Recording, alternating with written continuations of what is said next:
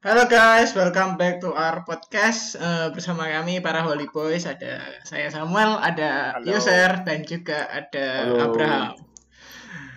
The- pada podcast kita hari ini kita bakal masuk ke topik yang cukup ringan ya. Kita bakal bi- bicarain soal globalisasi dan apa sih pengaruh dari globalisasi itu ke Gen Z Gen Z seperti kita kita ini.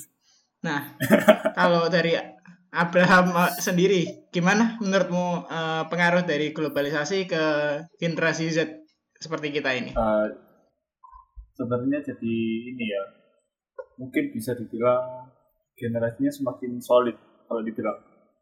Secara culture kita itu semakin jadi satu.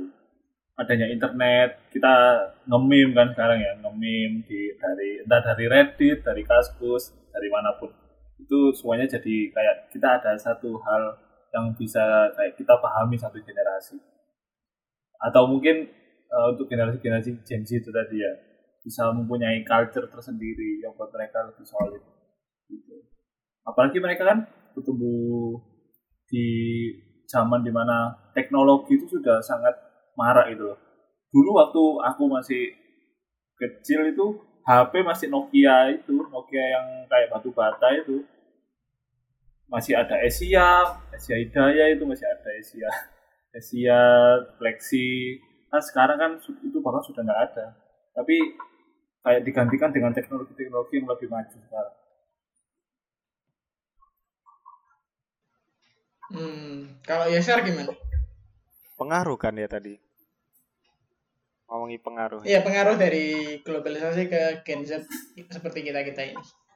ya pengaruhnya ya kita ra- rata-rata anak-anaknya orang generasi Z itu lebih mudah ya kalau mau mengakses informasi gimana gimana nggak nggak kesusahan kalau dulu kan harus cari dari berbagai sumber.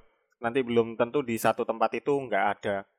Kan kalau karena ada internet sekarang kan juga mereka gampang mau cari informasi yang baik atau yang nggak baik pun ya pasti ketemu gitu dari mereka buat mereka ya overall sama sih kayak Abraham tadi Oh, Oke oke. Kalau pendapatku sih sebenarnya globalisasi ini lebih banyak positifnya daripada buruknya. Tapi kembali lagi, globalisasi itu kita gunakannya sebagai hal yang positif atau negatif kan tergantung si penggunanya juga ya. Kayak misalnya dulu waktu eh, ada pelajaran agama ya. Eh, waktu pelajaran agama itu ada orang yang bilang, oh teknologi ini buruk karena membuat orang menjadi ateis ya dan membuat orang melihat hal yang buruk di internet. Tapi sebenarnya ya kembali lagi eh, teknologi itu hanya so- sebuah alat yang mostly netral yang bisa kita gunakan untuk mendukung atau men-setback dari eh, perkembangan kita sendiri. Gimana sih? bener sih soalnya pun teknologi dibikin ya bukan identitasnya nggak dikasih agama gitu kan. Nggak ada HP Samsung tiba-tiba jadi Kristen atau iPhone jadi Islam atau gimana kan. Nggak mungkin jadi ya aku setuju sama Sam kalau teknologi itu netral. Mungkin orang-orang yang ngomong kayak gitu menurutku orang yang denial ya. Kayak gimana? Kayak mereka tuh udah nggak bisa ngikutin zaman. Terus ya kak cuma kayak denger-denger dari kayak gosip-gosip di WA kayak grup bapak-bapak ibu-ibu yang kalau ada apa gitu langsung sama mereka ditanggepin serius. Padahal ya sebelum sebenarnya itu nggak masuk akal gitu. Kayak apa waktu itu ya? Kayak ya contohnya salah satu lah kebanyakan main game bisa bikin anak males belajar. Eh in other side mungkin orang masih ngeliat itu buruk karena anaknya nggak belajar. Tapi di sisi lain kalau menurutku kalau emang itu jadi passionnya dia buat apa juga kita harus batasi dia. Kan semua-semua akan kembali waktu besarnya ke anaknya lagi gitu. Tapi ya gitu, jangan sampai setelah main game ya akhirnya kamu nggak berguna di masa depan. Kan juga bahaya. Makanya perlu ada keseimbangan tetap. The uh, the first the first step itu awalnya itu harusnya parenting, bukan emang parenting itu susah tapi jangan salahin teknologinya. Gimana caramu mengontrol anak itu, gimana anakmu kamu kasih pengertian supaya dia juga bisa ngontrol dirinya. Bukan ngontrol sesuai keinginan orang tuanya sendiri gitu. Soalnya kalau orang tuanya maunya A tapi anaknya nggak ngerasakan yang di A, ya susah dong. Hmm. Gitu. Itu juga sekarang kan kalau bisa dibilang dulu orang bilang kamu nggak akan ke mana-mana kalau kamu duduk di depan komputer terus. Tapi bedanya di zaman di zaman kita orang duduk depan komputer malah jadi bisa ke mana-mana, ya kan? Bisa mencari uh, karir dari hobi mereka. Contohnya ini banyak sekarang orang yang antusias bermain game, uh, mereka menaruh apa ya menyisikan uang untuk membeli komputer yang, yang bagus, lalu mereka streaming gameplay mereka di contohnya di Twitch itu. Di Twitch itu kan sekarang ramai banget. Orang bisa dapat uang dari donasi, dari berlangganan dan juga dari apa ya dari menggalang dana untuk uh, hal-hal yang ingin mereka capai dan lain-lain.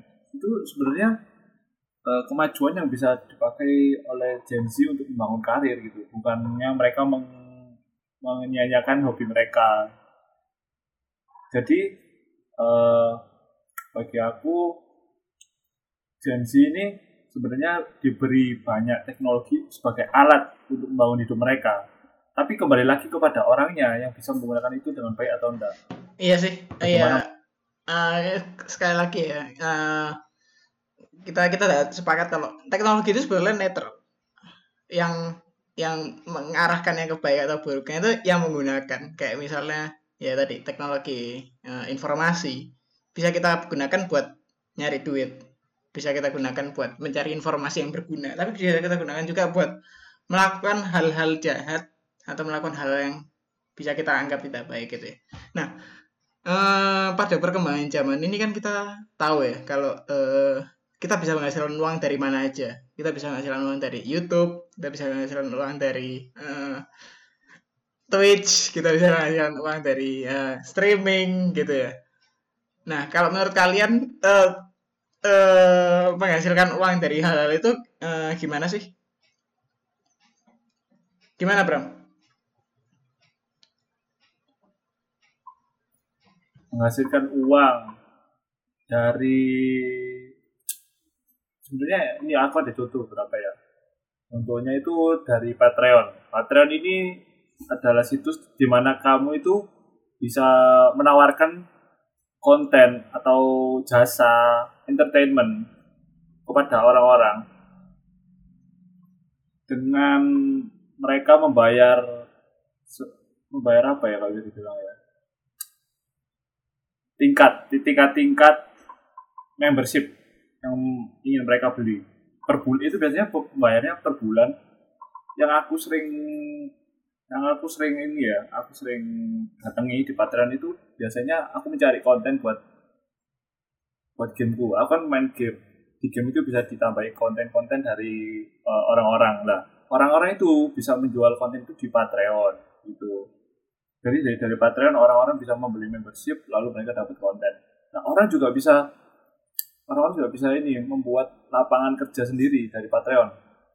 Dari kan gini kalau orang dulu ya kalau orang ini cantik atau cakep mereka kalau mau buat modeling harus kayak nunggu uh, ada agen dan lain-lain yang bisa mencarikan mereka kerjaan. Nah sekarang ini orang bisa membuat hal itu sendiri. Mereka membuka Patreon, lalu menawarkan jasa modeling eh, tema-tema uh, yang ingin mereka uh, orang-orang beli, lalu orang bisa membayar mereka dan mereka intinya apa ya? Bisa dibilang pengusaha gitu, pengusaha melalui Patreon. Tadi itu bagus banget. Bisa mengembangkan sifat entrepreneurship dalam diri sendiri melalui situs. Uh, ya, uh, sama sih kayak Fiverr juga kalau aku pakai Fiverr dulu punya Fiverr cuma belum launching sih.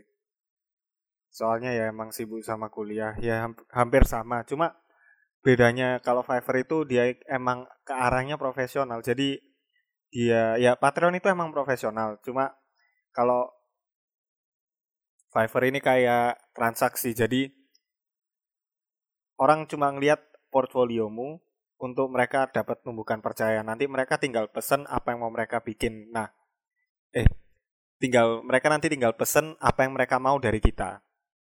Nah itu nanti udah ada kayak sama kayak tadi di Patreon ada tingkatannya kayak di grade ini kamu dapat apa aja, di grade ini kamu dapat apa aja.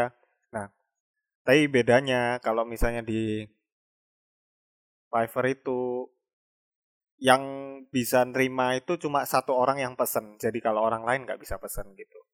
Kalau bisa numbuhkan entrepreneurship ya aku setuju juga kayak kata Abraham juga jadi kita setelah nanti mungkin berapa tahun lagi bisa jadi besar. Plus kita nggak mungkin jalanin itu sendiri kan. Kayak ngerjain ngerjain apa yang kita bikin. Nah, akhirnya kita juga bisa ngasih kira-kira ada orang yang membantu kita. Nah, kita nanti juga akhirnya pekerjakan orang itu buat bantu kita. Gitu. Itu kalau di Fiverr sih tapi emang agak rumit memang Fiverr tuh kadang butuh kayak sertifikat uh, buat uh, trust buat nambahin trustnya konsumen nanti ke depan gitu gimana Bram? Uh, seperti ini apa namanya? Uber Uber juga kan Uber. Kalau dulu orang mau ojek mau ojek harus mangkal nunggu didatangi sama orangnya baru harus uh, baru bisa dapat orang terus berangkat. Tapi sekarang kan ada Uber. Kalau di luar negeri ada Uber. Kalau kita kan pakai Grab sama Gojek ya. Uh, Uber bangkrut ya. Dibeli sama Grab. Uh, terus kalau sama sekarang orang kayak anak-anak kuliah mau kerja sampingan Grab ya bisa. Bisa banget. Buat mereka nambahin uang makan tahu apalah. Kan jadi lebih mudah banget untuk anak-anak Gen Z sebenarnya. Dibandingin uh, orang-orang generasi-generasi sebelum kita ya. Kita sebenarnya mudah banget nah tapi karena semakin mudah tekadnya itu anak-anak Gen Z semakin beda juga tekadnya anak Gen Z dibandingin sama orang generasi sebelumnya berapa mungkin tekadnya masih tetap tinggi tinggi banget bisa kan banyak sih startup startup yang diciptakan oleh Eh, anak-anak yang mempunyai hobi gitu ya. Contohnya buka ini apa namanya kedai kopi, buka kedai kopi. Kedai kopi itu walaupun cuma dibilang kedai kopi, sebenarnya itu banyak yang harus ditangani loh. E, kita buka apa namanya buka kedainya lalu kita mendaftarkan diri ke Grab, ke Gojek, menawarkan servis kita ke, ke Gojek. Situ kan kita juga jadi menggunakan teknologi itu tadi ya dengan uh, walaupun usaha kita kayak offline gitu. Bagaimana menurut Sam? Ya, ya benar sih. Uh, sebenarnya globalisasi itu uh, menuntut kita buat uh, bertekad semakin kiat lagi supaya kita bisa menghasilkan uang ya. Ya metode-metodenya itu uh, ya bisa dari kayak katanya Survivor atau apa Patreon atau kayak temennya Abraham yang ah kenapa oh, oke okay. Iya sih, um, aku juga pernah denger yang yang yang user bilang itu. Juga kapan kapan lalu aku ngeliat ada analisisnya dan ya, ya cukup menghasilkan uang sih itu. Tapi ya kita kita harus mengkaji lebih dalam metode yang digunakan untuk menghasilkan uang itu. Ya ya kembali lagi ya apakah kita menghasilkan segala cara untuk menghasilkan uang? Atau kita uh, ya ada kaidah-kaidah moral tertentu yang kita ikuti supaya kita bisa menghasilkan uang uh, contoh yang anak-anak muda sekarang bisa lakukan dengan dengan modal yang tidak cukup tidak tidak besar banget itu adalah apa ya berinvestasi di pasar modal. Modalnya enggak, besar kok, bisa mulai dari uh, ada saham yang harganya cuma lima ribu rupiah per lot. Ya, ngomong. Kenapa? Kamu mau ngasih kode referral muta? Enggak, uh, ipot kan nggak ada kode referral, referral ya. Lu disebut mereknya. Ya itu, um, ya saham paling murah itu bisa mulai dari lima ribu aja, atau bahkan sekarang saham itu ada yang harganya berapa ya?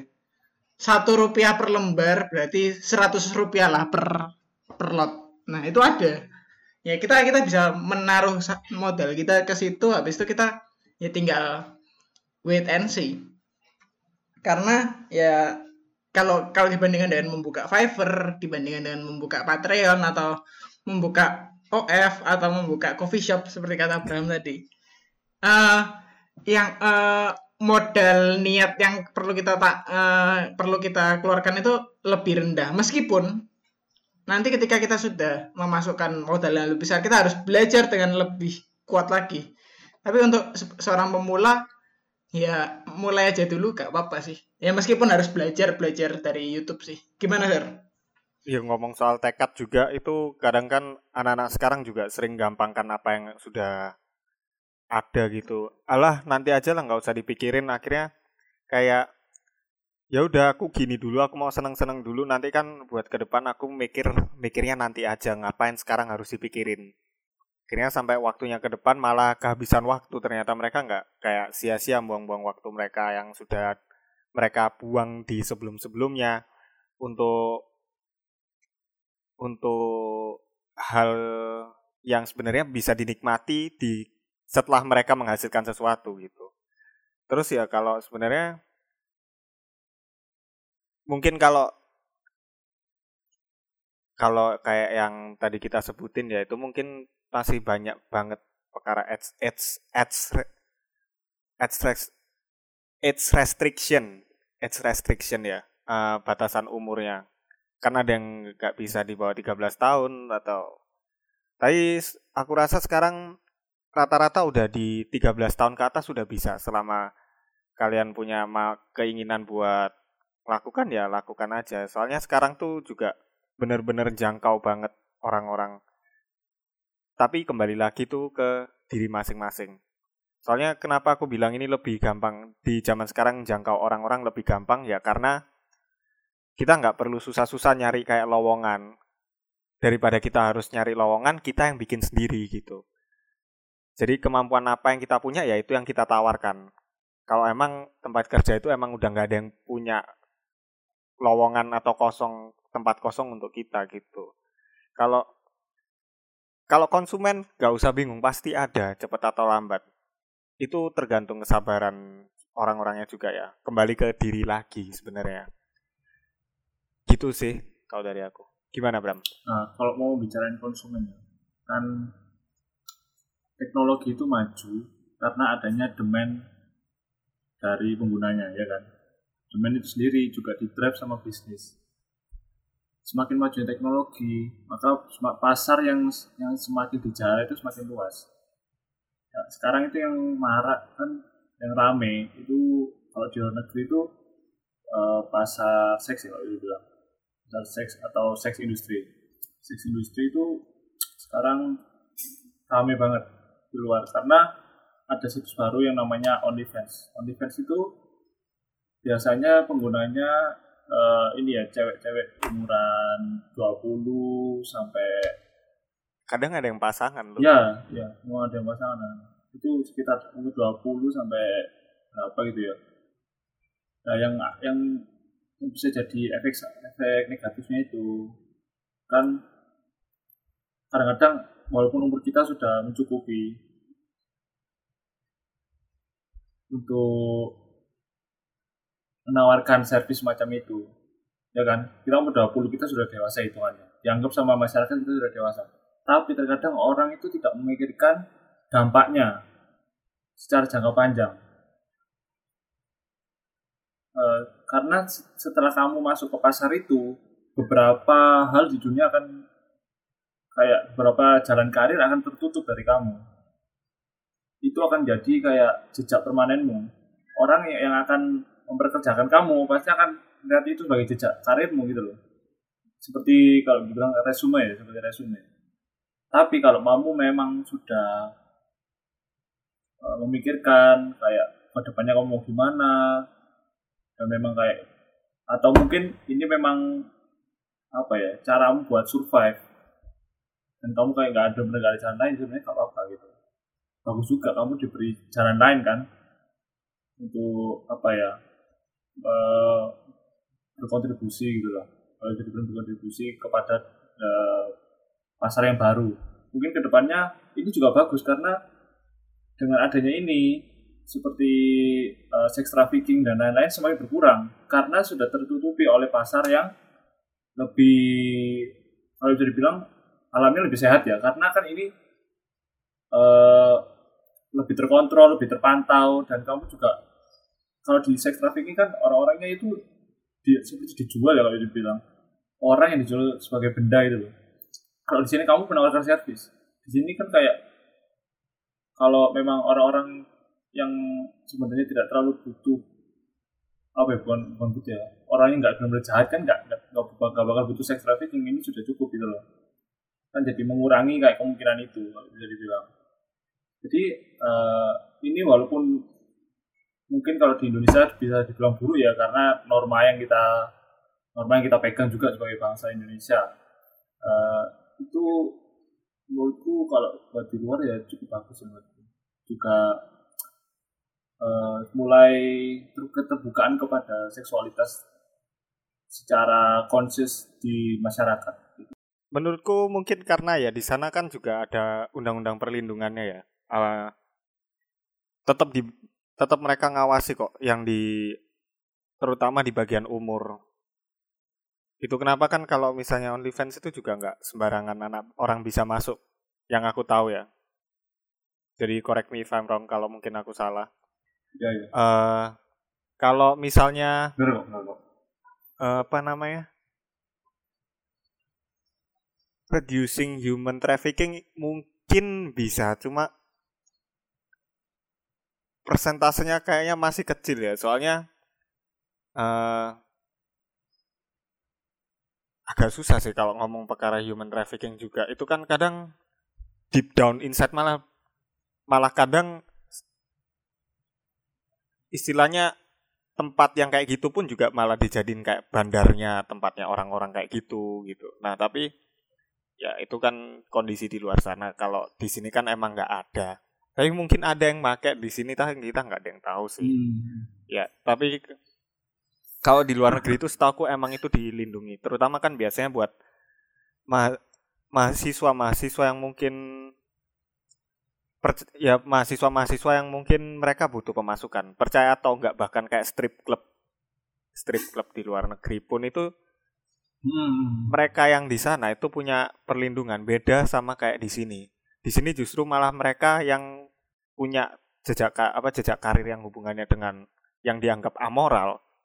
Di sini malah jadi kayak uh, mereka malah jadi diobjektify tapi mereka nggak diterima di mana-mana. Anehnya mungkin eh, menurutku anehnya di sini itu itu. Kalau di luar negeri kayak contohnya Amerika, mungkin mereka awalnya masih kayak mungkin mereka pernah ngalami kayak kita kayak nggak mereka kayak nggak dihargai tapi mungkin ya kalau menurutku karena pada akhirnya kenapa mereka bisa nerima karena kehidupan menurutku kehidupan seksualitas itu nggak ada hubungannya dengan pekerjaan, kualitas kamu kerja gitu loh. Itu mungkin kenapa kayak situs-situs semacam itu di luar negeri itu masih bisa dipakai untuk mereka anak-anak muda memanfaatkan itu untuk juga menghasilkan hmm, pemasuk okay, apa memberikan okay. pemasukan untuk mereka. Oh iya, jangan lupa pokoknya. Tapi karena kita hidup di Indonesia harus kembali lagi ke Indonesia. Hmm. Tapi Sun mungkin Indonesia bisa kayak gitu. Yang pasti nggak dalam mungkin, waktu dekat. Mungkin. Ada kemungkinan. Iya. Kalau gitu dengan kelamat politik seperti ini ya.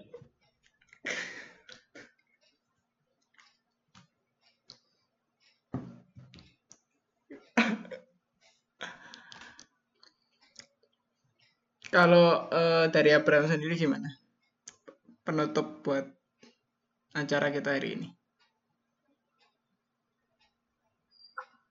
Hmm, janji ini mungkin mempunyai apa ya banyak teknologi bisa digunakan jika ingin kayak membangun hidup yang baik tapi itu kembali lagi juga bagaimana mereka menggunakannya tetap harus tahu kayak tujuan mereka tidak melakukan hal-hal yang tidak terencana dan dampaknya bisa hmm. panjang di okay, okay. Kalau dari user gimana? Kalau dari aku sebenarnya ini bisa jadi kesempatan yang cukup besar buat Gen Z. Jadi ya apa pun yang kalian temui itu jadikan peluang. Tapi ingat juga semua itu juga ada batasnya, terutama ya bukan waktunya. Gak usah dipaksain buat kalian masuk ke tempat itu. Karena ya ujung-ujungnya yang rugi ya kalian sendiri. Jadi ya manfaatin aja. Jangan sampai kalian putus tekad cuma karena kalian merasa ini mudah. Semuanya mudah didapatkan dengan adanya globalisasi. Kita nggak tahu kapan mungkin sesuatu bakal terjadi yang jelek banget sampai semua ini harus berhenti. Akhirnya kita malah nggak bisa survive karena kita terlalu buang-buang waktu kita sendiri. Hmm, oke. Okay. Ya, jadi ya sebenarnya globalisasi itu bisa dimanfaatkan dengan baik ya. Tapi cuman kembali lagi ke kitanya punya tekad apa enggak dan apakah kita mau menerima globalisasi itu sebagai hal yang baik atau tidak oke dengan demikian uh, podcast hari ini kami akhiri. Terima kasih sudah mendengarkan dan sampai jumpa pada podcast kami berikutnya. See you. See you. See you guys. Thank you